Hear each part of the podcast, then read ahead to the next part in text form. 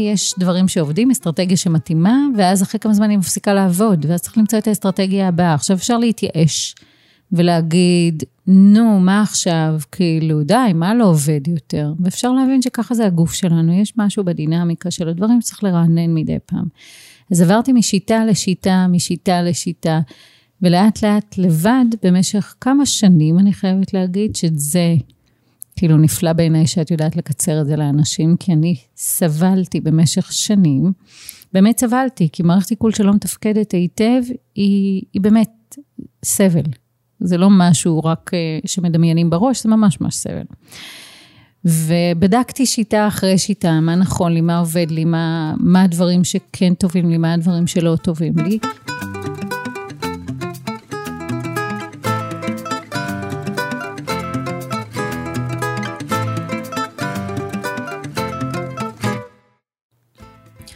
שלום לכולם. היום יש לנו אורחת שנסעתי לבקר אותה בכפר ורדים. אנחנו באמצע היום ויש רוח ובריזה והלחות נמוכה לכל אלה שמקנאים וגרים במרכז, הלח והחם. אז אנחנו יושבות כאן עם הרוח והבריזה ומדברות. יש לנו כאן את אה, מירב לשם גונן.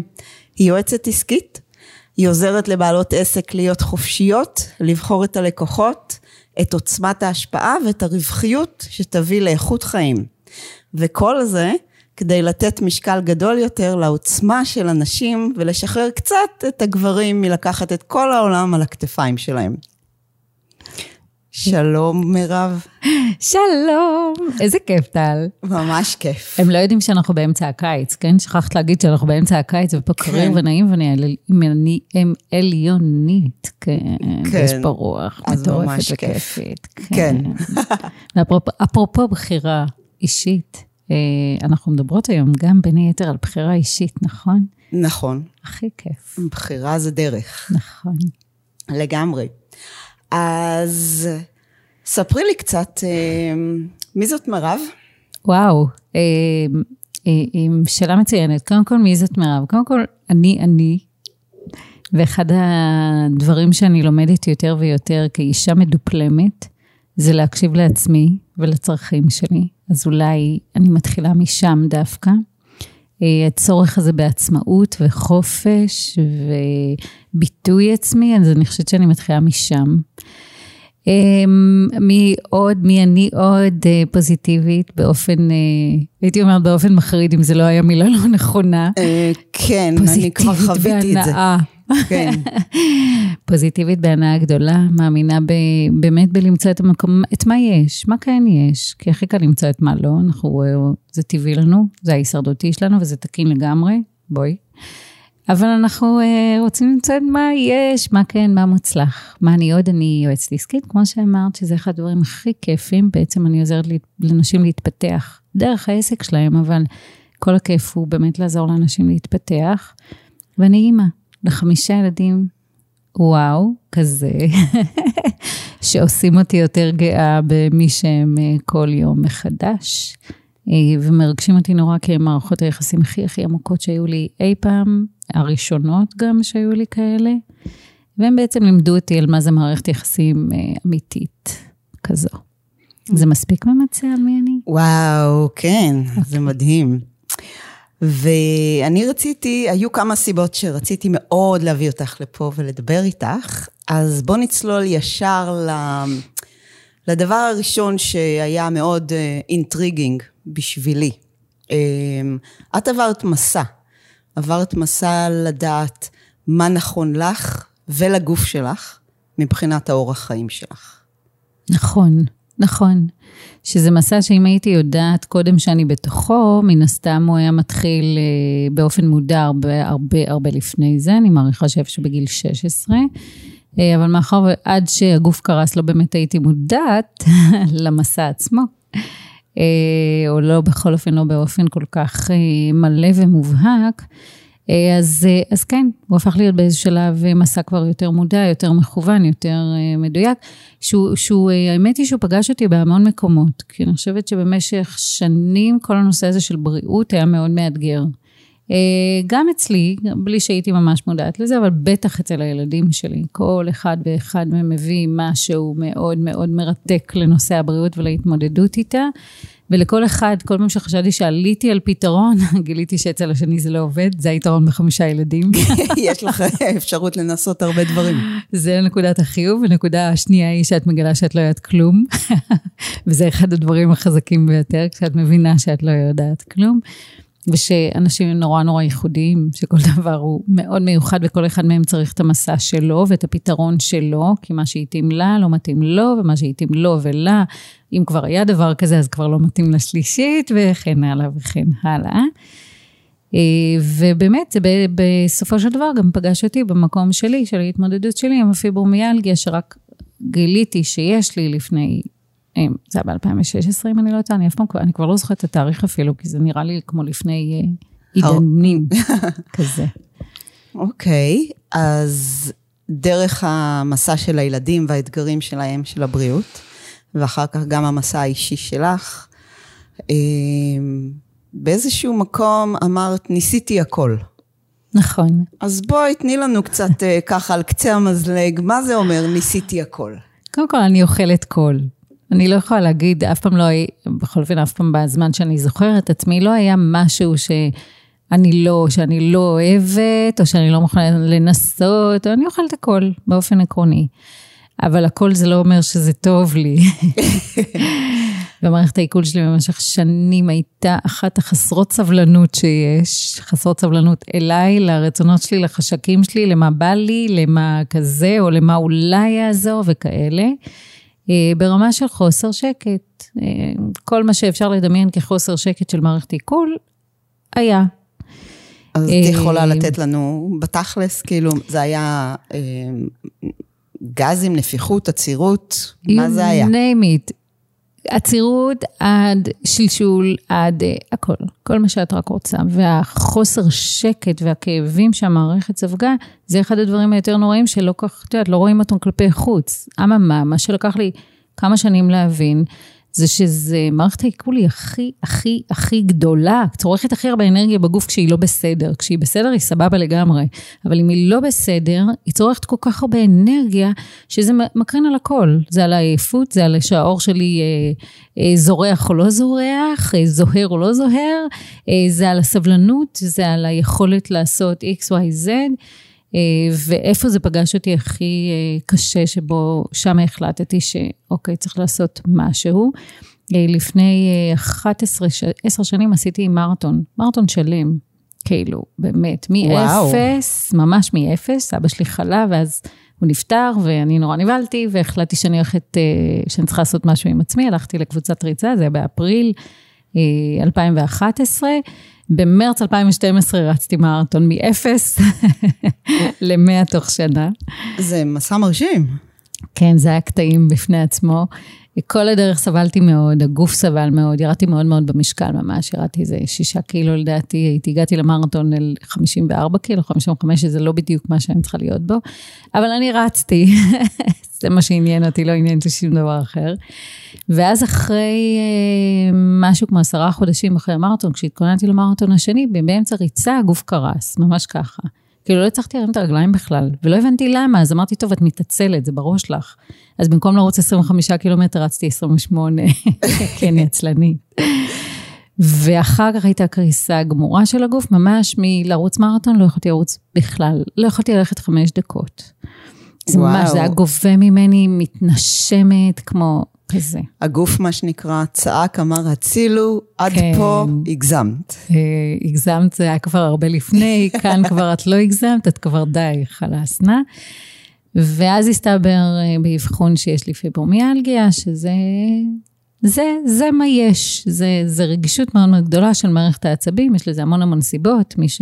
מי ש אה, כאילו, מי שמכיר את זה קצת יותר לעומק, יש לזה גם המון השלכות.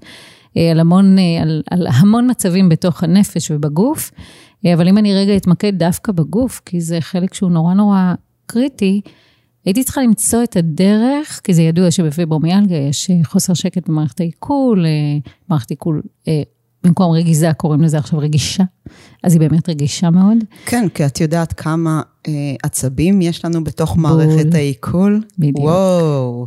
בדיוק. וזה יותר מזה, הבנתי גם מקריאה ממיליון ושתיים מחקרים שיש, מיליון ושניים מחקרים שיש, שיש אנזימים מסוימים שבפיברומיאלגיה פשוט עובדים פחות טוב בקיבה. אני צריך להתייחס אליהם מאוד ביחס אישי, צריך ללטף להם את האגו קצת. שאנחנו עושים את זה, מה אני עושה? אז התחלתי לעבור מסוג דיאטה אחד לסוג דיאטה שני, כדי למצוא את מה שעובד לי. אז יש דבר אחד שמצאתי כבר, שמדי פעם צריך להחליף, אצלי בכל אופן. וזה לא נקודה, חש- אני חייבת לעצור אותך כאן, כי אוקיי. זאת נקודה מדהימה. אוקיי. כי אנחנו חושבים, וואו, מצאתי, עכשיו זה עובד. ואז הגוף, זה עבד באותו רגע, אבל הגוף שלנו לא אותו דבר משבוע לשבוע, מחודש לחודש, שלא לדבר משנה לשנה. ופתאום זה לא עובד, מה שהיה כל כך טוב, הרגיש לי כל כך טוב, היה לי אנרגיה והייתי זה והייתי שם, פתאום זה לא עובד. שלא לדבר על, עלינו הנשים, שההורמונים, ואז הם, יש מחזור חודשי, ואז בכלל הוא הולך כל המחזור, ואז כל הגוף משתנה. בקיצור, ההורמונים תורמים גם כן. בול. אז מה שעובד לא עובד, ו... וזה אחד הדברים שאני מאוד מאמינה בו, זה פשוט להיות קשוב ותמיד תמיד תמיד למצוא מה נכון לי עכשיו. בול. שזה דרך אגב, אנחנו נגיע לזה מן הסתם, העניין של נוכחות. אני חושבת שזה אחד הדברים שלימד אותי להיות בנוכחות של הרגע. בלי להתעלף מזה שצריך להחליף את הרגע, שצריך לעשות משהו שונה. אה, אז באמת, אה, זה כמו, את יודעת, אנחנו מדברות על זה הרבה גם בייעוץ העסקי. יש דברים שעובדים, אסטרטגיה שמתאימה, ואז אחרי כמה זמן היא מפסיקה לעבוד, ואז צריך למצוא את האסטרטגיה הבאה. עכשיו אפשר להתייאש ולהגיד, נו, מה עכשיו? כאילו, די, מה לא עובד יותר? ואפשר להבין שככה זה הגוף שלנו, יש משהו בדינמיקה של הדברים שצריך לרענן מדי פעם. אז עברתי משיטה לשיטה, משיטה לשיטה, ולאט לאט לבד, במשך כמה שנים, אני חייבת להגיד שזה כאילו נפלא בעיניי שאת יודעת לקצר את זה לאנשים, כי אני סבלתי במשך שנים, באמת סבלתי, כי מערכת עיכול שלא מתפקדת היטב, היא, היא באמת סבל. זה לא משהו רק אה, שמדמיינים בראש, זה ממש ממש סבל. ובדקתי שיטה אחרי שיטה, מה נכון לי, מה עובד לי, מה, מה הדברים שכן טובים לי, מה הדברים שלא טובים לי. אה, וזה אחד הדברים שגיליתי, קודם כל, זה שאני צריכה מדי פעם לרענן ולהחליף, אם קיטו עבד לי מצוין, הוא עובד מצוין לטווח של תקופה מסוימת, אחר כך הוא כבר עושה את הדברים שלו, ואז צריך להחליף.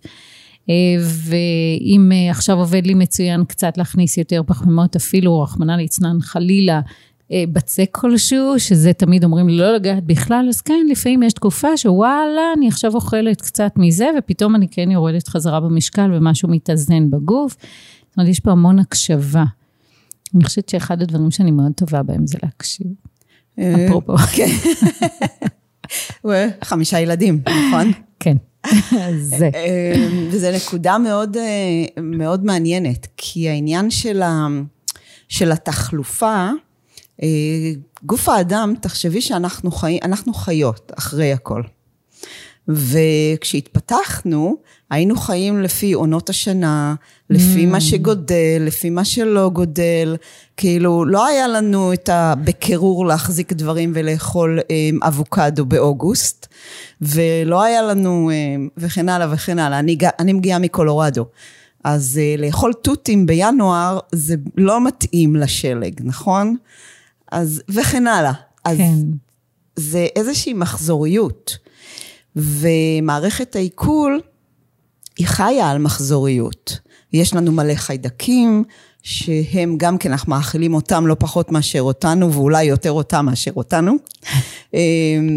ומה שקורה, שאוכל מסוים שאנחנו אוכלים, הם גודלים, ופתאום מתרבה סוג אחד של בקטריה, ואז יוצא מאיזון, אז כדאי להפסיק את הסוג הזה של הבקטריה, ולאכול קצת דברים אחרים כדי לטפח משהו אחר. בקיצור, מחזוריות זה שם המשחק בעצם.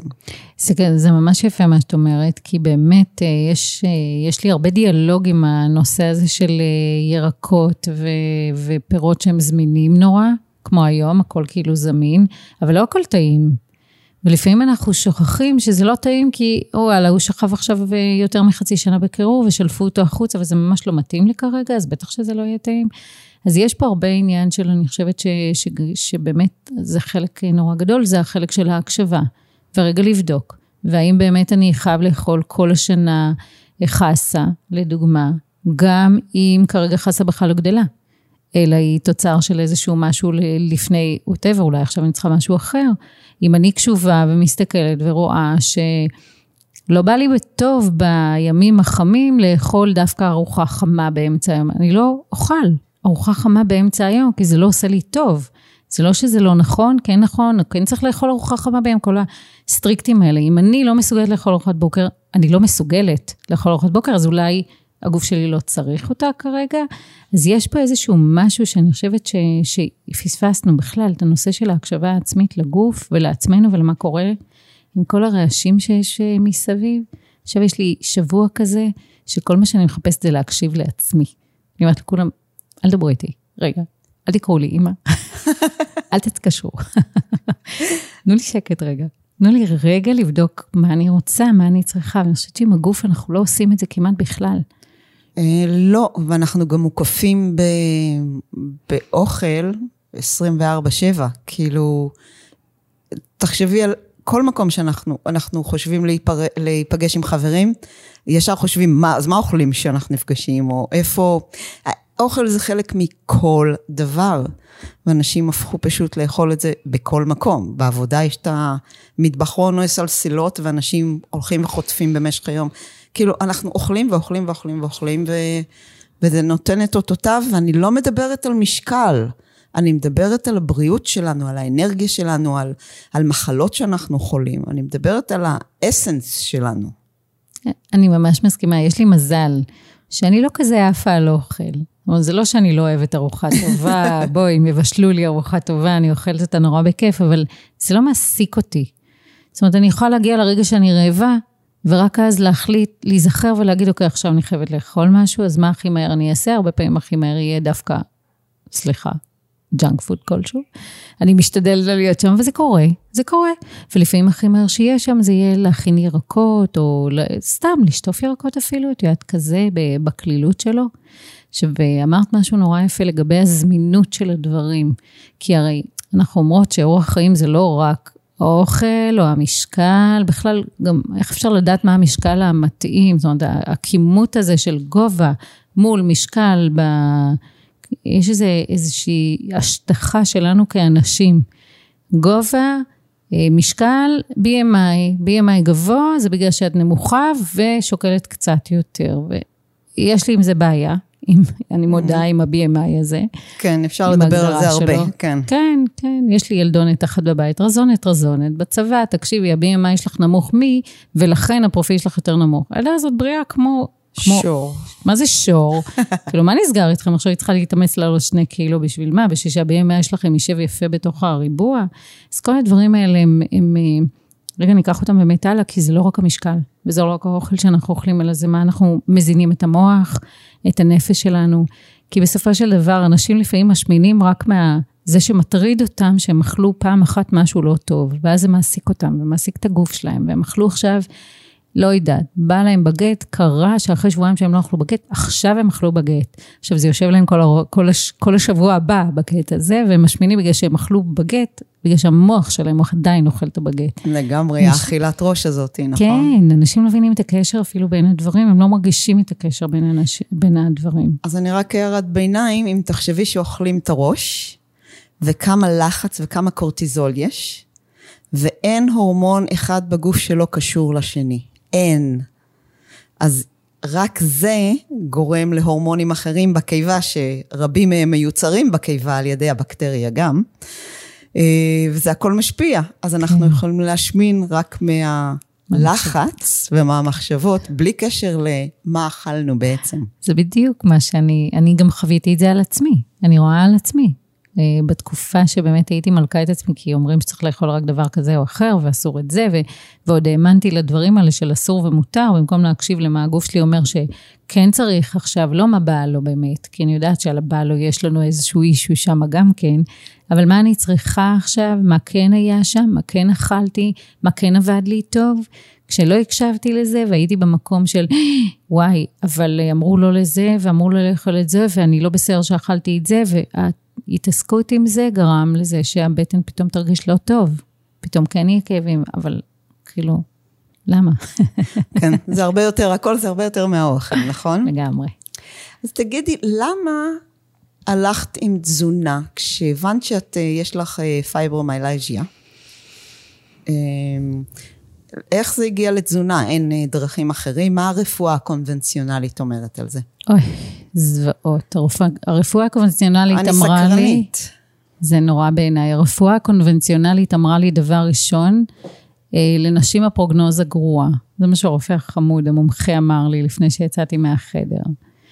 אה, והתחלתי לבכות. כאילו, מה עכשיו, מה, אתה דן אותי לחיים של סבל? מה זאת אומרת הפרוגנוזה היא גרועה? זה אומר שהעתיד לא הופך להיות יותר טוב. ממש בכיתי, והוא אמר לי, לא, את לא יכולה לצאת ככה החוצה, מה אנשים יחשבו? עכשיו, המזל שלי באותו רגע, מן הסתם הייתי עולה על זה אחר כך, אבל הבת שלי אובחנה באותו שבוע גם עם פיברומיאלגיה, אבל היא הייתה ילדה. אז היא, מי שקיבל אותה זה היה רופא של ילדים, שמה שהוא אמר לה זה, תקשיבי, יש פרוטוקולים שאומרים מה לעשות עם זה, ובעיקר, בעיקר, את תעברי איזשהו תהליך, היא עברה איזשהו תהליך אחר, אבל הדהד לי באוזן ואמרתי, רגע, למה נשים הפרוגנוזה גרועה, ילדים הפרוגנוזה היא טובה, כאילו, מה נסגר? אז זה בגלל שאנחנו לא גמישות מספיק מחשבתית להחליט שאנחנו יכולות להשתפר? אולי. אז אני אחליט שאני יכולה, כזה. ואז מצאתי לי את הדרכים שלי. הרפואה הקונבנציונלית, מה שהיא אומרת זה כדורים. היא נותנת כדורים נוראים בעיניי. אה, כדורים לכל דבר. אלטרולט לדוגמה, יש עוד כמה כדורים שהם נוגדי דיכאון בעיקרם, כי חלק מהתסמינים של פיברומיאלגיה שלא מדברים עליהם, זה באמת דיכאון, בגלל שהסרוטנין יורד. כי הוא מיוצר 90% במערכת העיכול. אוקיי, הנה בדיוק. אז הסרוטנין יורד, נכנסים לדיכאון, אוכלים יותר, לא זזים, אה, דימומים במערכת הרבייה אצל נשים, יש אוסף של תסמינים שאנשים לא מכירים בכלל. אה, בלוטת התריס פתאום מפסיקה לעבוד כמו שצריך, היא מתחילה לעבוד פחות, זה הכל סמוי, לא ימצאו את זה בבדיקות, אבל את תרגישי את זה, עייפות נורא גדולה, עייפות, עייפות, עייפות, כזה. אה, ואני אמרתי, רגע, לא, לא מקובל. לא מקובל עליי שהוא יגיד לי שהפרוגנוזה שלי גרועה. לא כאילו, אצלי, בבית, לא בבית ספר שלי. כן, יש לי גם חמישה ילדים, אין לי זמן עכשיו להיות ואני עצמאית, אין לי זמן עכשיו להתעסק אם לא להרגיש טוב, כאילו, מה, מה אני עושה עם המידע הזה שלו? אלטרולט מהר מאוד, אני לא חושבת שבכלל לקחתי אלטרולט. עשינו כן ניסיון על הבת שלי, אבל ניסיתי, נותנים אה, כדורים אפיוטיים נגד הכאבים, כי באמת, באמת, כשנורא נורא כואב, כמעט שום דבר לא עוזר, אין כדור שבאמת עוזר, וזה כאבים נורא קשים, כאלה פיזיים, שאת מפחדת להזיז את הרגל כי את מפחדת שיכאב יותר, אממה זה לא נכון, כי ברגע שאת מזיזה את הרגל זה כואב פחות, אז יש פה איזשהו תעתועי מוח. אז גם ניסיתי טראמדול, לא, את לא רוצה. את לא רוצה. אני חייבת להודות לא שאני כל כך לא מכירה תרופות, אני לא ממש לא שם. לא הפסדת.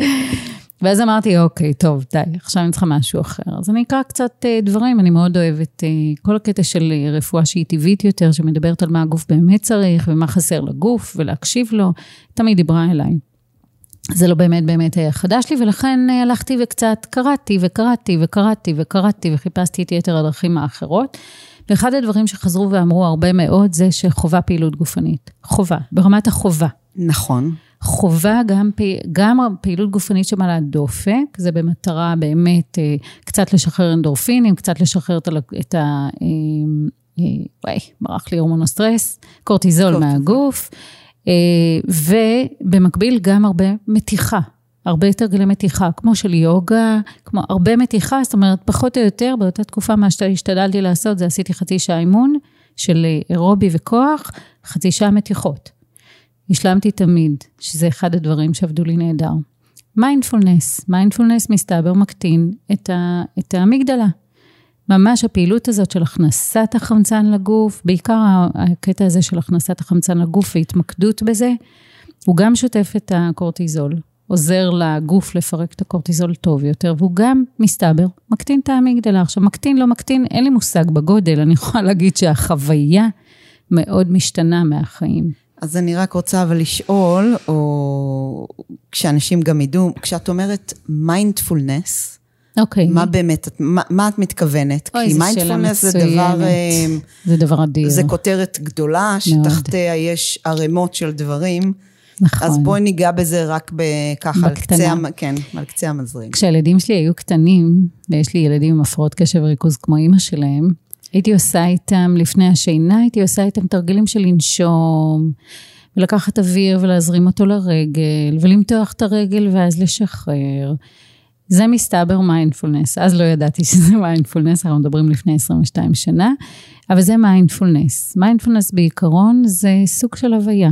הוויה שנכנסים אליה, הוויה שהמטרה, אני אגיד קודם כל המטרה, בגדול, אני גם מדריכה למיינדפולנס לשלושה קורסים של זה, כי אף פעם אנחנו לא יודעות מספיק לצערנו. הרעיון שעומד מאחורי מיינדפולנס זה רגע להיות מסוגלת להתבונן על הדברים כמו שהם, בלי להיות מעורבת בהם. זו ההגדרה הכי, שאני הכי אוהבת. זה כמו לשבת על סוכת המציל ולהסתכל על הסערה שמתרחשת אצלך או אצל מישהו אחר מבחוץ, לא להיות מעורבת בה. אז מה שנקרא להיות המתבונן, ה-observer. כן, בלי שיפוטיות, בלי לנקוט עמדה, בלי שום דבר. עכשיו, איך עושים את זה? עושים את זה על ידי נוכחות פיזית ומודעת. לא לנקות את המחשבות, אף פעם לא עבד לי לנקות את המחשבות, לא מבינה מה זה אומר בכלל, אבל כן לנשום ולהרגיש את הנשימה עוברת בתוך הגוף. זאת אומרת, זה בעצם החיבור בין התודעה לפיזי כדי להישאר כאן ועכשיו, ממש כזה. וזה עובד כמו קסם, יש המון תרגילים, זה נורא כיפי, אבל מיינדפולנס יכול להיות באותה מידה תרגול של רגע לעצור, לנשום ולהרגיש את הכלים ואת המים בזמן שאת שוטפת כלים. הרבה שנים זה היה המיינדפולנס שלי. הייתי שוטפת כלים ברוגע, הייתי מרגישה את המים, כנ"ל מקלחת, אותו דבר. אפשר לעשות מיינדפולנס באופן תיאורטי על הכל. אז עכשיו אני מבינה, את סיפרת לי פעם שאת אוהבת לשטוף נכון. כלים, עכשיו אני מבינה את הקשר, מצאתי, אני עליתי נכון, עלייך. נכון. אל תזמינו אותי לשטוף כלים, אני לא שוטפת לאף אחד אחר, רק לעצמי. אבל כן. אז זה הרעיון. אז מיינדפולנס זה כלי מעולה.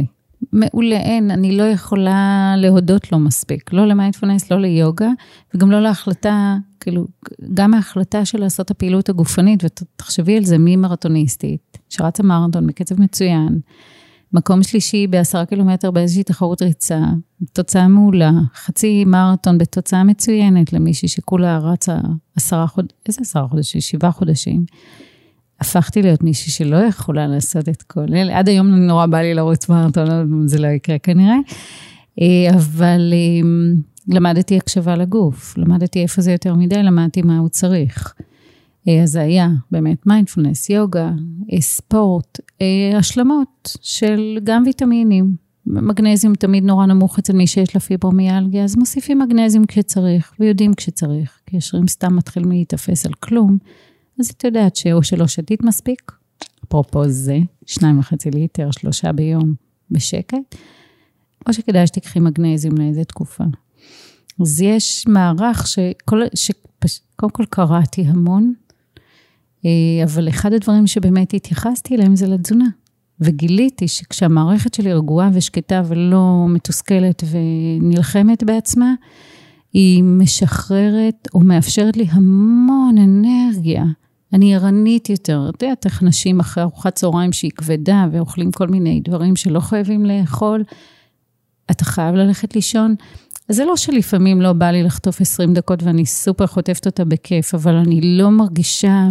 את הכבדות, זה הלאות הזאת שלא כן. בא לי ואני... של מערכת עיכול שמרגיש כן. לנו תמיד שהיא... אוי, הלמה אכלתי יותר מדי הזה של אנשים? כן, מרגישים נפוחים קצת, ואם זה באמצע שבוע עבודה, אז הם יושבים מול המחשב והעיניים כזה, כזה צונחות, ומרגישים שרוצים משהו. נכון. וכשהמערכת מרגיש, מרגישה ככה, אז הפרדוקס זה שיש לנו צורך להמשיך לאכול עוד משהו כדי להתמודד עם איך שאנחנו מרגישים. זה פרדוקס משוגע. נכון. שיש איזה משהו נורא מעניין, שפתאום זה קפץ לי לראש, אז אולי זה לא קשור בכלל למה שאמרנו עד עכשיו, אבל כשלמדתי פסיכולוגיה, למדתי קורס בפסיכולוגיה, לעשות תואר שני הייתי צריכה לעשות אה, קורס אחד במדעי החברה, למדתי פסיכולוגיה, ובמבוא לפסיכולוגיה למדתי משהו, תעתועי מוח נורא מעניינים שהמערכת מייצרת לנו, שיש לנו דבר כזה, אה, שובע לטעם. לא הכרתי דבר כזה, שובע לטעם זה אומר שאנחנו יושבים ואוכלים, ארוחה מלוכה, אנחנו נפסיק לאכול בזמן הנכון, אם נאכל בקצב נכון וככה ננשום תוך כדי וזה, אנחנו נפסיק לאכול בדיוק בזמן הנכון. ואז מביאים לשולחן משהו מתוק, אבל פתאום יש לנו עוד מקום. זה החדר הנוסף, לא? זה בדיוק השובע לטעם. כשיש לנו שובע, אנחנו שבעים מהמלוח, מסתבר, הגוף עוד אה, נראה לו שאפשר להכניס דברים אחרים שהם לא מלוכים. אם היינו מסתפקים רק במלוח, ואני לא אוכלת מתוק בסוף ארוחה כמעט אף פעם, אם היינו מסתפקים במלוח, היינו מסיימים לאכול בזמן הנכון. אז יש לי, אה, אני חושבת, וידוי, אוקיי? אה, בתור בן אדם שהתמודד עם אוכל ומשקל עד לפני 15 שנה, 18 שנה, במשך שנים, אז היה את העניין של ה... אני לא רוצה לקרוא לזה לגמרי בינג', אבל זה הקטע של הלאכול ולאכול ולאכול, וגם כשמפוצצים להמשיך לאכול. אוקיי. Okay. ואני זוכרת שזה תמיד היה לעבור, לקפוץ בין המלוח למתוק, כן. ואז בא עוד פעם, ואם כבר לאכול, כי אנחנו כבר על גל של לאכול, ואם כבר אכלתי, אז מה זה משנה, אני אמשיך לאכול, אז אני הולכת לחפש את המלוח או את הפיקנטי, ואז יש את הצורך הזה במתוק עוד פעם, ואז אפשר לעשות איזה חמישה, שישה, שבעה, עשרה סיבובים על, נכון. על רק זה, נכון. והנה, overeating. נכון, והקטע הוא שזה לא רק על אלה שיש להם קטע של בינג' ואפילו לא אלה שהם בעלייה במשקל, זה פשוט משהו מובנה בתוך הגוף. שברגע שאכלנו מלוח, סיימנו לאכול, היינו מלאים, נגענו עכשיו במשהו שהוא מתוק, אנחנו נרצה לחזור למלוח כדי לנטרל קצת את המתוק, ואז נרצה לחזור למתוק, כאילו זה קטע כזה. כן, מדהים. ואנחנו בכלל לא מודעים לזה, וזה קורה לנו לבד. זה מדהים. אז גם לזה לשים לב. והתחלתי לראות מה עושה לי לא טוב. קודם בשיחה המוקדמת, סיפרתי לך שבהריונות של הילדים, של ארבעת הילדים, עליתי 28 קילו בכל הריון. 28 קילו. 28 קילו זה חצי מהמשקל שלי, פחות או יותר. זה המון. גם, גם לא שאכלתי בכמות הזאת. ואז אצל החמישי שלי, בסביבות שבוע 21, גיליתי שכשאני אוכלת משהו מתוק, כל הגוף שלי מתחיל להיכנס לוויברציות, והבנתי שאולי אני רגישה למתוק. הפסקתי לאכול מתוק לצורך ההיריון. גם ככה, הבנים שלי נולדים גדולים, זאת אומרת שיש איזושהי רגישות סמויה לסוכר.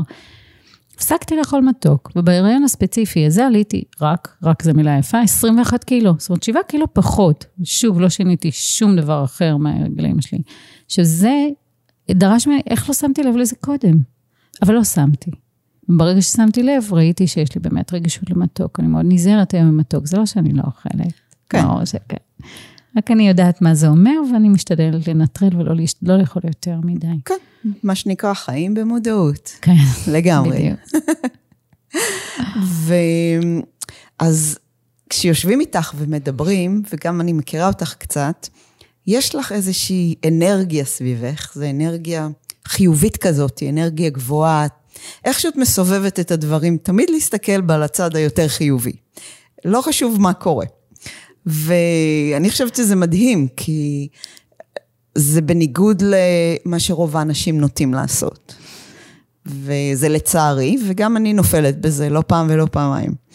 אמ, וזה מביא אותי לשאלה שאת אמרת שאת חיה בתשוקה.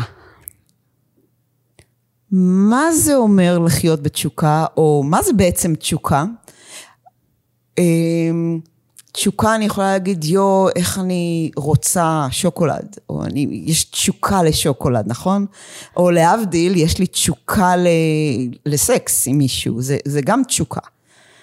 אבל את מדברת על תשוקה ב, במובן אחר קצת. נכון, נכון. אז מה זה אומר?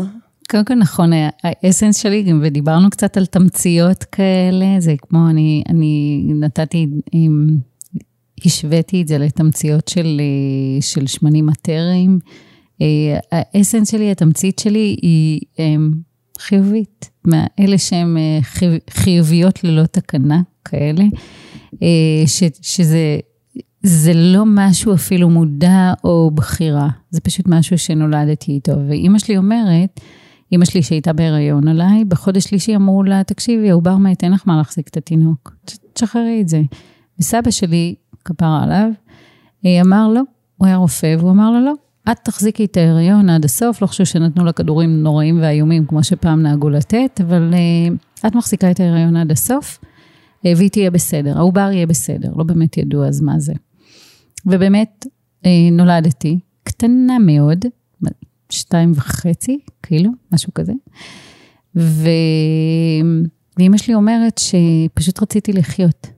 וזו הסיבה שהייתי בחיים, וכשיצאתי החוצה, כל ההוויה שלי הייתה מאוד מאושרת, מאוד uh, כזאת של תינוקת שכל הזמן... Uh, עכשיו נולדתי בלי חיידקי קיבה כמעט, זה אומר שלושה חודשים נוראים של סבל. וואו, כן. בשבילי שאני מבינה בכל זה, וחיידקי קיבה, זה, בשבילי זה אחד הדברים הכי... לדעתי יש קשר לכל מה שאת חווה בחיים שלך, ואולי אפילו חלק ממה שקרה אחר כך אצל הילדים, כי הגוף שלך כן. בצורה מסוימת. נכון, אני מסכימה, אני בטוחה שזה ככה. האמת היא שבמשך שנים בכלל לא חשבתי על ההקשרים האלה, אבל אני מסכימה. ואני חושבת שזה מה שהיה לי תמיד drive לחיות. התשוקה אצלי זה התשוקה לחיים, לחיות. אני רוצה לחיות, אני רוצה לחוות, אני, אני מאוד מתקשה עם אה, גבולות ועם אה, תבניות, ואני צריכה חופש, המון חופש, אני צריכה עצמאות, אני צריכה לעשות את הדברים בדרך שלי.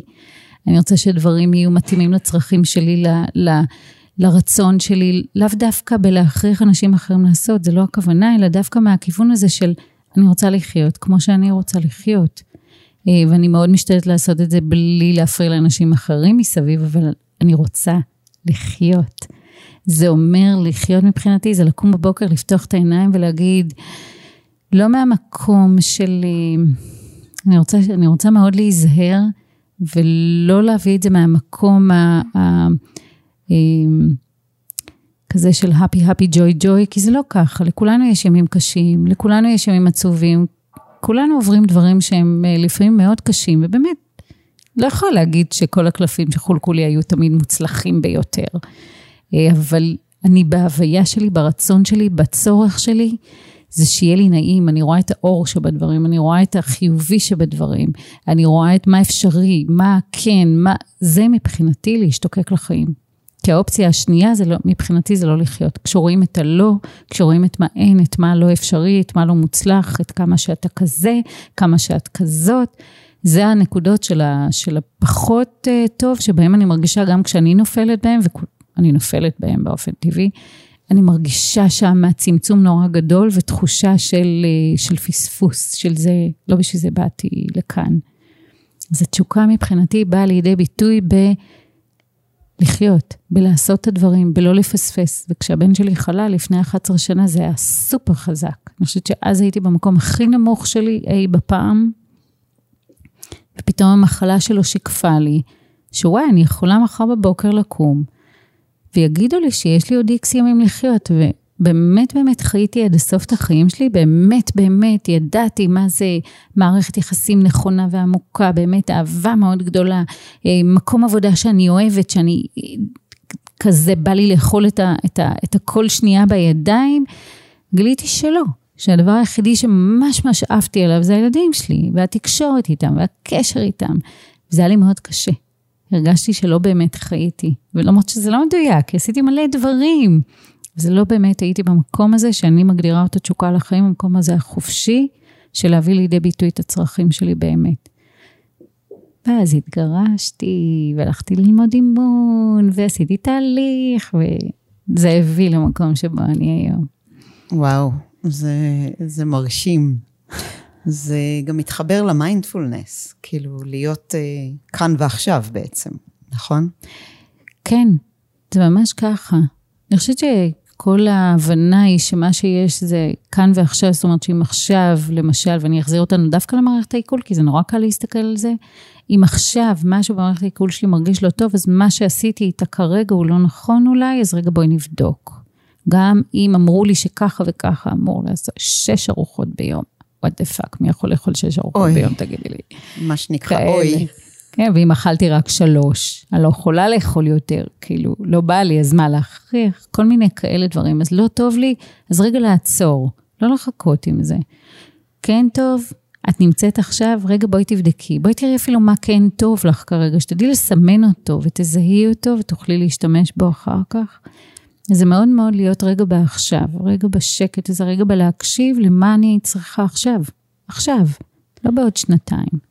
אני חושבת שזה גם מעבר, זה להבין מה אני צריכה עכשיו, ואם משהו לא עובד, גם ללמוד מזה. כאילו, אם משהו הביא אותי, שאני לא מרגישה טוב כרגע, זה גם להבין, אוקיי, עשיתי ככה, או אם מדברים על אוכל, אז אכלתי ככה, וזה, וזה לא, וזה לא טוב לי, לא מרגיש לי טוב, זה לא משהו, ו, ולשנות את זה, כי אני מוצאת מניסיון, שאנשים חיים על אוטו פיילוט.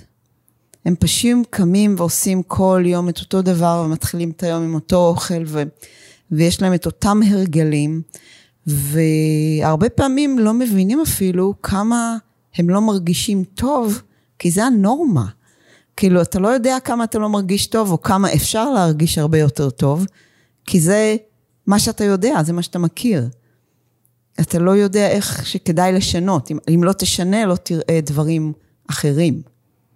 אני חושבת שזה מאוד מדויק, מה שאמרת. אני חושבת שאנחנו לפעמים כל כך אה, דפוסים אה, או נעולים על, ה, על הדברים שעשינו, שבאמת קשה לנו לזהות שהם לא טובים לנו, שאולי כרגע הם כבר לא טובים לנו. אה, אני חושבת ש... אה, הרבה פעמים באמת מה שאנחנו מפספסים זה לעצור רגע ולהסתכל על התמונה הגדולה יותר. אה, גם בתוך הייעוץ העסקי, דרך אגב, הרבה פעמים אנחנו עושות את הפינג פונג הזה, שרגע להסתכל מה קורה עכשיו, ורגע אחד לצאת החוצה ולהסתכל על התמונה הגדולה יותר. עכשיו, כשאנחנו לא מסתכלים על התמונה הגדולה יותר ורק מסתכלים על השנייה הנוכחית, אנחנו אולי מרוויחים איזושהי הקשבה, ואנחנו מפספסים את הלמידה. אמרת את זה מאוד יפה קודם. כשמסתכלים על, ה, על התמונה מלמעלה ורואים מה היה, כזה איזשהו ציר זמן פשוט, לא צריך עכשיו אה, לעשות, אה, אוקיי, בשנה האחרונה, איזשהו ציר זמן פשוט, מה הוביל לרגע הזה, יש, יכולה להתבצע למידה שאומרת, אוקיי, כשקורה ככה וככה, זה נורא מעניין, את יודעת, כי עכשיו אני חושבת על זה, כשהבן שלי כבר היה, אחרי, סיים את הטיפולים הכימותרפיים והכול, אה, הוא אושפז, חודשיים אחרי סיום הטיפולים הכימותרפיים, הוא אושפז עם חום נורא גבוה. זה מאוד מבהיל. ילד עם, אה, בכל זאת ילד שבדיוק חווה סרטן, וזה מבהיל. הוא אושפז עם חום גבוה, לא מצאו לו שום דבר. ואז התחלתי לעקוב אחרי זה שפעם בכמה שבועות, אה, בימים שלי, כי היינו כבר ברודים אז, עולה לו החום. קודם כל נורא נעלבתי. למה דווקא בימים שלי? ואז התחלתי לרשום לעצמי, וזיהיתי שפעם בחמישה, שישה שבועות הילד מעלה חום ליומיים, בימים שני או שלישי. החום יורד, הוא, הוא סובל נורא, כאבי בטן נורא קשים, סובל נורא. אחרי חמש פעמים כאלה, הלכתי ל, לרופאה שלו, האונקולוגית, ואמרתי, תקשיבי, אני לא יודעת מה זה, אבל זה מה שאני רואה, והסתכלתי באינטרנט וזה FMF. אמרת לי, מה את מקשקשת? איזה FMF? אמרתי לה, אני לא יודעת, זה מה מצאתי. דוקטור גוגל. כן. היא שלחה אותי לרופאה, ומסתבר באמת לילד יש FMF. זה לא היה מתאפשר לעשות את הלמידה אם לא הייתי רגע עוצרת, מסתכלת מלמעלה ועושה איזשהו timeline נורא קצר, נורא פשוט. עכשיו, אנשים לא עושים את זה באמת. הם לא נוטים לעשות. הם סובלים, כואב, זה נקודתי להם כביכול, ממשיכים מעלה. או שכולם סובלים, או שכולם, יש הרבה כולם כזה. לכולם יש כזה, לכל, זה כמו ילדים, אימא, אבל לכולם מרשים. אותו דבר. כן, אל, אל תתחילי, שאני לא אתחיל אפילו עם זה. לכולם יש צרבות, וזה נהוג כן. שיש עצירות, וזה בסדר, וכולם נפוחים אחרי אוכל, וכולם יש אנרגיה נמוכה אחרי האוכל. זה. לכולם, נכון? אז זה, זה נורמלי. בדיוק. אז זה, אז זה לא. אז זה לא, בדיוק. ואז באמת היכולת של רגע לעצור ולהקשיב, רגע, אז מה הם אמרו? אז מה אם אמרו? הרי כשמישהו אומר לי משהו, הוא אומר את זה על סמך איזושהי סטטיסטיקה שלאו דווקא כוללת את הייחודיות שלי. אז מה אם הוא אמר? הוא מסתמך על דברים שאולי הרבה מאוד אנשים אחרים למדו, או הכירו, או גילו, אבל הם לא היו אני. אז אם אני רגע אחד יושב ובוחן, יושבת ובוחנת, מי אני, מה אני, מה קרה לי, ואני שמה לב פתאום שכדור כזה או אחר, או, או ירק כזה או אחר לא עושה לי, את יודעת שאני אלרגית לקינוע? אני לא, אני בכלל לא מופתעת. אני עשיתי. איזה שהן בדיקות לא מזמן, ואמרו לי לא לאכול לוחמניות. זה אוי, הדבר די. שאכלתי הכי הרבה, ונכנסים לשייק. בדיוק, זה אוי, מחזון זה על. אבל זה נקודתי. כי כשאכלתי יותר מדי מזה, או. והגוף מפתח רגישות, זהו. ואני יכולה להפסיק לחצי שנה, שנה, ואופס, זה היה זה. לפני שלוש-ארבע שנים אמרו לי אה, בצל ושום. Mm. הוצאתי בצל ושום מהחיים שלי, אבל איך מתחילים לבשל? קודם עם בצל ושום, נכון? Mm. נכון. זה ככה מתחילים לבשל. נכון. אז כמה שנים לא אכלתי כמעט, כמעט בצל ושום, ועכשיו ההמלצה, אחרי בדיקות שונות שעשיתי, לאכול בצל ושום, כי זה מזון על בשבילי, אישית באותו רגע. אז הנה, גדול. כן, זה ממש, זה מחזוריות, דיברנו על זה, נכון? נכון. זה בדיוק מה שאני גיליתי עם קינוע, שלא אכלתי אותה כל כך בדחיפות, אבל כנראה שבדחיפות כזאת, שהיא לא, היא לא עשתה לי טוב, לא עשתה לי טוב בלשון המעטה. אה, ואני לא, לא, לא נוגעת, היום אני יותר נזהרת כי פשוט לא בא לי להסתבך איתה, ויש דברים אחרים שאפשר במקומה. אה, אבל כל הדברים האלה של שימת לב, רגע אחד לעצור ולהקשיב לעצמנו. אני חושבת שזו אחת המיומנויות שחייבים ללמד בבית הספר. מבחינתי זה, אפרופו תשוקה, זה האלף בית של אהבה עצמית. תשוקה נובעת מתוך העובדה שאני אוהבת את עצמי, קודם, לפני הכל. לאהוב את עצמי אומר להקשיב לעצמי, גם, בין היתר, לראות מה נכון לי עכשיו. כל המחקרים לא יצליחו בעצם לסגור את כל הפינות של כל האנשים, כי כל אחד מאיתנו בא עם DNA ייחודי, נכון? זה לא אני המצאתי. לא, לי. לא, לא לגמרי, אבל זה הרבה יותר מזה. רוב ה-DNA שיש לנו זה של החיידקים שגרים אצלנו בגוף. אה, אוקיי. ומאחר וחיידקים במעיים וחיידקים בגוף זה כמו טביעת אצבע, זה ייחודי לכל אדם. אין שני אנשים בעולם עם אותו profile של חיידקים, אז אה, כן, וה-DNA שלנו היום הוא אה, ה- מה שהם... ב- יש פרויקט שנקרא פרויקט genome, שעשו פרויקט לזהות את כל הגנים בגוף האדם, ואחרי זה התחילו לעשות את אותו דבר על החיידקים, וכבר מבינים ש-90% מה-DNA שלנו זה החיידקים, זה ה-DNA של החיידקים. זה קטע? לא, לא כן. ידעתי. אז בואי אני. אחבר לך, מה שאת אוכלת מאכיל את החיידקים, ה-DNA של החיידקים זה מי שאת, אז לא כדאי לאכול יותר טוב. לא כדאי לאכול יותר מה שאנחנו צריכים? כן, או שהם צריכים או שהם בנו. צריכים. כן, לגמרי. אבל אמרת נקודה מעניינת, כאילו, אם אין לי יחסים טובים עם עצמי, אז איך אני, יהיה לי יחסים טובים עם כל אדם אחר בעולם? אני חושבת שמשם בדיוק באה התשוקה. את יודעת, אנשים מניחים ש, שגם יש איזושהי אה, תפיסה כזאת של, אה, של לאהוב את, אה, לתת, להעניק, לאהוב את כולם, להיות נורא נורא חומלים אחד כלפי השני, שזה נהדר, זה נפלא. אבל כשזה לא מתחיל באמת מבפנים, וה... את יודעת, התחושת הלבד שהרבה אנשים חיים איתה, אני חושבת שהיא נובעת בדיוק מהמקום הזה, שיש איזה חוסר שקט כלפי מה אני חושב על עצמי, איך אני חווה את עצמי, כמה אני באמת אוהב ומקבל את מי שאני. עכשיו, אני לא, מצ... אני לא ממציאה שום דבר, זאת אומרת, זה לא איזשהו, את יודעת, מדברים על זה הרבה, אבל רגע אחד לה, להקשיב לעצמנו ולהבין מה זה אומר אלינו.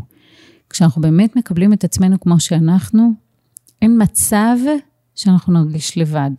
כי אהבה עצמית היא משהו מאוד, והיא לא משהו שהוא אה, נרקסיסטי, כן? זה לא, זה לא אומר אני יותר טוב מאחרים, או זה אומר אני טוב כמו שאני. ואם אני רוצה אומר- לשפר, אוקיי, אז בואו נשפר ממה שיש כרגע. אבל אני רוצה רגע שנייה להבין. זה אומר שקבלה שלי, אמ, זה אומר אהבה עצמית? בעצם העובדה שאני מקבל את עצמי על כל גווניי? אמ, אני לא יודעת אם זאת ההגדרה שאני הייתי נותנת, אבל זה מחייב קבלה עצמית. אהבה עצמית מחייבת שתהיה קבלה עצמית. אם היא רק זאת, וואלה, אני לא יודעת להגיד לך על רגל אחת כרגע מה ההגדרה המדויקת שלי לאהבה עצמית, אבל אהבה עצמית כן כוללת את הקבלה העצמית. כשאני יודעת שאני מקבלת את כל מי שאני, אני יכולה להיות בתוך תהליך של אהבה עצמית. זה אולי הדבר הנכון, זה, זה, זה רק חד ערכי. כדי להיות באהבה עצמית צריכה להיות קבלה עצמית קודם. זה שיש קבלה עצמית לא אומר שיש אהבה עצמית.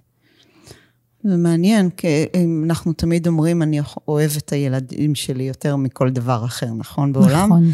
ואנחנו רואים שהם לא מושלמים. נכון. אנחנו יודעים את זה. נכון. גם אם אנחנו לא אומרים את זה בקול רם, אנחנו יודעים בדיוק את הקטעים שלהם, מה שנקרא. נכון. אבל אנחנו בכל זאת אוהבים אותם ללא תנאים, נכון? זה הילדים שלנו. זה בדיוק, אני מאוד מקווה שאנשים אוהבים את הילדים שלהם בלי תנאים. אני לא בטוחה שזה תמיד נכון לצערי, איך שאני חווה את זה מבחוץ על, על הרבה מאוד, אה, עם, לא יודעת אם כן, הורים שאני מכירה. אני חושבת שה, שהיכולת לאהוב אדם אחר ללא תנאים, זה לא אומר ליצור איתו מערכת יחסים דרך אגב.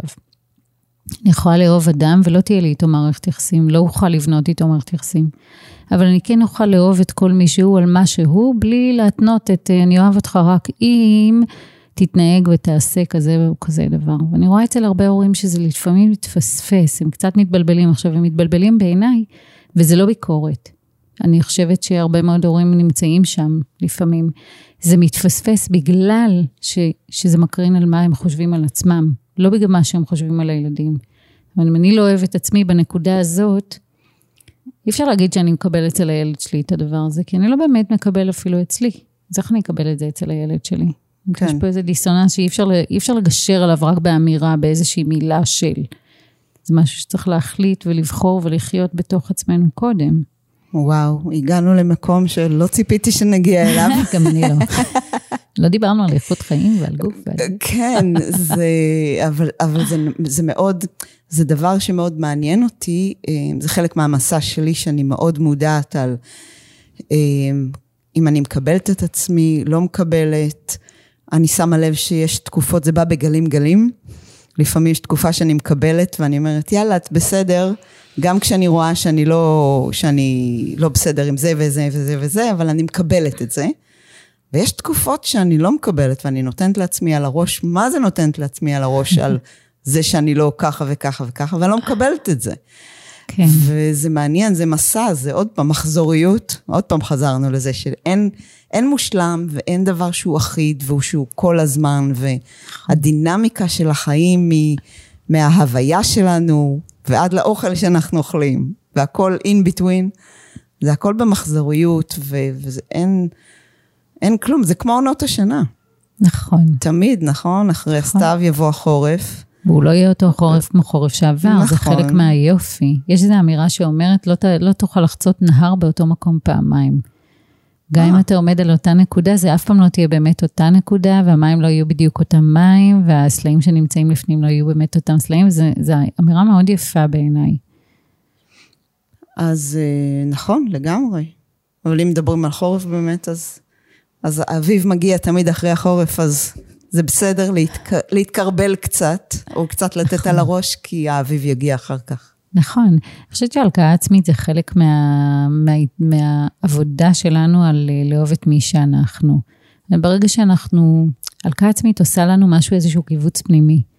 היא מעלה לנו את, ה, את הטמפרטורה של הגוף, היא, אה, היא עושה איזושהי עבודה פנימית שהיא לא, לאו דווקא חיובית לגוף. זה ממש צורך המון אנרגיה, המון אנרגיה הלקאה עצמית. תחשבי כמה אנרגיה, אוי. את מכירה, יש, וואי, לא זוכרת איך קוראים לסרט הזה, יש סרט ילדים שאני עפה עליו, תכף אני אזכר, גם מפלצות בעם, שמה שהם עושים זה הם הולכים בלילה לילדים ומפחידים אותם כדי אה, להוציא מהם אנרגיה של הצעקות, כדי לקיים את העיר שלהם, שיהיה בה מספיק אור. ואז הם גילו על הדרך, אחרי כמה זמן, שכשהם מצחיקים את הילדים, נכנסת הרבה יותר אנרגיה. אז היו חייבים זה לשנות. את ה... כן, אבל, אבל זה יפה, כאילו, הרעיון. נכון, כאילו, הרעיון. בוא נצחיק את כולם, ואז יהיה לנו יותר אנרגיה, נכון? כן, אבל אה, כן, אכילת ראש זה אחד הדברים שהכי מנקזים את האנרגיה שיש לנו. נכון. אמ, דיברנו על אוכל, אז לא, לא מספיק שנגיד הסוכר ינקז לנו את האנרגיה, ואז נאכל את הראש, אז זה בכלל יהיה כאילו על סטרואיד. אכילת, אכילת אמ, אנרגיה, סחיטת אנרגיה על סטרואיד, מה שנקרא. ממש ככה. וואו. אז דיברנו על תשוקה ודיברנו על אה, הקשבה, גם לעצמנו וגם לגוף שלנו. אה, דיברנו על מסע. אנשים צריכים להבין שאין פה קסם. אה, הקסם הוא איך זה נכווה בסוף, אבל יש פה מסע. זה שנלקחת החלטה זה נהדר, אבל החלטה זה תחילת הדרך. דיברנו קודם באופליין, דיברנו על, אה, על התמדה, את זוכרת? נכון. אז יש, יש בתוך המסע הזה של, של איכות חיים טוב, טובה יותר, איכות פיזית טובה יותר, איכות רגשית טובה יותר, צריך לזכור כל הזמן שזה מסע, גם באוכל, כל מה שמדברים על רילאפס, על נפילות של אוקיי, יש איזו צורת אכילה שבחרת לאכול ויום אחד לא עמדת בזה. אז אנשים נוטים להלקות את עצמם, לאכול את הראש, את הטיטתם, כל מה שדיברנו קודם, במקום לזכור שאוקיי, קורה, לא קרה כלום. האמירות העצמיות של אני אף פעם לא מתמיד, אני אף פעם לא מצליח, אני לא, אני לא בסדר, אני תתי, אני תתם, זה, זה בדיוק האמירות שנאמרות מתוך המקום של חוסר באהבה עצמית, זה המקום של החסר, של האין. וכשאנחנו מבינים שיש פה מסע ויש גם את מחר בבוקר, ולא קרה כלום אם לא, אין, אין דבר אחד שתעשה ויצליח והכל יצליח, ואין דבר אחד שלא תעשה ויפיל את הכל, זה לא באמת ככה עובד. יש דרך, יש מסע, רגע צריך סבלנות, ומה שהכי חשוב זה שתהיה התמדה בדרך, כל דרך שבחרת. זה, זה מעניין, כשדיבר, כשאמרת את הכמה משפטים האחרונים, פתאום קפץ לי משהו לראש, שאף פעם לא חשבתי על זה ככה. חיים, אם אנחנו חיים במיינדפולנס, ואנחנו מודעים למה אנחנו צריכים או לא צריכים וכן הלאה, ואז יש בהמון דיאטות, מכניסים את ה... ארוחת שחיתות. ו... והעיקרון הוא לא שהוא לא נכון, כי זה בסדר שלא הכל פרפקט. העיקרון שלא הכל פרפקט הוא בסדר גמור. העניין הוא שאתה יודע שיהיה לך בעוד ארבעה ימים את הארוחה הזאת, או בעוד שבעה ימים, או פעמיים בחודש, או לא חשוב באיזה שיטה אתה משתמש. אבל דחילק, אם אני רוצה עכשיו את הארוחת שחיתות שלי, כי מה זה, אני לא יודע מה, היה לי לחץ בעבודה והכל, ובא לי לפנק את עצמי ממשהו, אז מה, אני צריך לחכות ארבעה ימים עד שאני אוכל לפנק את עצמי בקערת פסטה עם uh, גלידה אחר כך? או... או פיצה, אז, בא לי פיצה. אז, אז זה למה? אז, אז זה חוסר הקשבה לגוף, כשאנחנו מתכננים מתי נעשה את הארוחת שחיתות הזאתי. זה, זה, לא, זה פשוט לא הגיוני לתכנן דברים ולא להקשיב לגוף למה שהוא צריך ורוצה. וזה לא שאני אומרת שצריך כל יומיים כשפתאום בא לי או לא טוב לי או יש לי לחץ, לפצות על זה באוכל, זה לא מה שאמרתי. אבל לתכנן את זה מראש, ממש לא נשמע לי הגיוני. תכלס, מה שלי עוד יותר לא נשמע הגיוני, זה העובדה שקוראים לזה ארוחת שחיתות או ארוחת פינוק. זאת אומרת שכל יתר הזמן אני סובל, ואני מחזיקה את עצמי כן, ככה. כן, לשם לא נכנסתי בכלל. זה כן, אז לא לי, זה יותר קשה לי אפילו, כי אני עוד יכולה להגיד, אוקיי, נגיד ימי שישי בערב, אנחנו יודעים בדרך כלל ארוחות משפחתיות, אז אני שומרת את ה... נאמר, אני, אני אחליט שאני אשמור את היום שבו אני אוכלת את הדברים שהם פחות טובים לי. אה, אני אשמור את זה לימי שישי, למה? כי יש whatever, לא יודעת, אני פחות טוב לי אורז לצערי, למרות שאני חולה על אורז. אני כן אוכל עלי גפן אם אני קונה לילדים עלי גפן, כי יש פה בואנה אחת ביאנוח שעושה מעולה. לא בא לי לוותר על זה. אה, אבל לקרוא לזה ארוחת שחיתות או ארוחת פינוק, אני אומרת, מה, ואז מה כל היתר? כל היתר זה ארוחת צנע, ארוחת בית כלא, ארוחת uh, סבל, כאילו, מה, למה אנחנו בוחרים לתת את השמות המענגים האלה על אותה ארוחה שהיא לא טובה לנו, היא מזיקה לנו. באמת ארוחה שמזיקה. פעם שהיא נאכלת פעם באיזה סבבה, אבל היא לא איזה ארוחה ש, שהגוף שלנו באמת באמת אה, זקוק לה, זה יותר המוח שלנו הרבה פעמים זקוק לה. למה לקרוא לזה בשמות כאלה נחשקים? למה לעשות את כן. זה, את התשוקה שלנו למקומות האלה שהם לא טובים לנו? שזה אולי חלק מה... נכון, מה, זה, אומר בהגדרה של הארוחות האלה, בדיפולט, זה אומר שכל היתר זה לא. בול. בול, אז מה, מה עשינו בזה? במקום להגיד, כל הארוחות הן ארוחות פינוקי, הן מפנקות לי את הגוף, את הנשמה, את האנרגיה. ויש ארוחה אחת שהיא ארוחה של, אה, של over, שאני מסכים לאכול over, כי יש שם מאכלים שאני יודע שהם over עבורי, אבל זה לא צריך, לא צריך להיות, ה default לא צריך להיות שזה הארוחה המענגת. כן, אותה לגמרי. אותה אחת שהיא לא טובה לנו. אז יש לי קושי נורא גדול עם זה, אני מודה. וואלה, אה, אני חושבת שיש כאן אה, פודקאסט שלם שאפשר לעשות על העניין הזה. כן. אה, אז אנחנו מתחילות להגיע לקראת סיום. אמ, למרות שאני מרגישה שאפשר לשבת פה עוד אה, שעה, שעתיים בטח. בטח במזג אוויר הזה. כן, עם הרוח והבריזה. אתם, אין לכם מושג כמה כיף. אמצע היום. אמצע אני חייבת היום. לציין גם את זה. ואני רוצה אז להביא לשאלה אחרונה. אני נוהגת לשאול את, אה, את האורחים שלי את השאלה הזאת. אם היית צריכה להשאיר מסר אחד אחרון, אחרייך, בוא נגיד בן אדם בעוד מאה שנה, אה, אומרים מאה שנה או מאה שנים? מאה שנה. מאה שנה. עד עשר זה אה, שנים, ומעשר זה שנה יכול להיות. ככה העברית עובדת. שקל אחד, שני שקלים, שלושה שקלים, ארבעה שקלים, חמישה שקלים, עשרה שקלים. עשרים שקל? רגע, שנייה רגע. עשרים, לא, עשרים שקלים. אין לי שנים. מושג בשבילי. מאה שנים. אוקיי. אני בעברית, שאני אהיה בריאה. אוקיי. שלא, אל תספרי להם שאני בת של משורר. בואי נוותר על זה. אוקיי. שאבא שלי לא יתהפך בקבר. האמת היא שאני לא זוכרת מה היה הטיפ שרשמתי לך. היה לי טיפ מוצלח שם, נראה לי. אז אה, כן, אבל עכשיו אבוד לך, את אומרת. אבוד לי, כן. לך, אה, תמציאי לך אחד חדש. כן. אז אמ, בוא נגיד שבעוד מאה שנים, Mm. מה יגידו שהייתה המתנה שמירב השאירה פה? Mm. אני הייתי חולמת ככה אם מישהו היה פותח, אה, יש פה שני דברים. קודם כל יגידו עליי איזה מתנה השארתי, או שתהיה קפסולה שבתוכה יהיה איזשהו טיפ עוצמתי שישנה לאנשים את החיים. יאללה? שוט.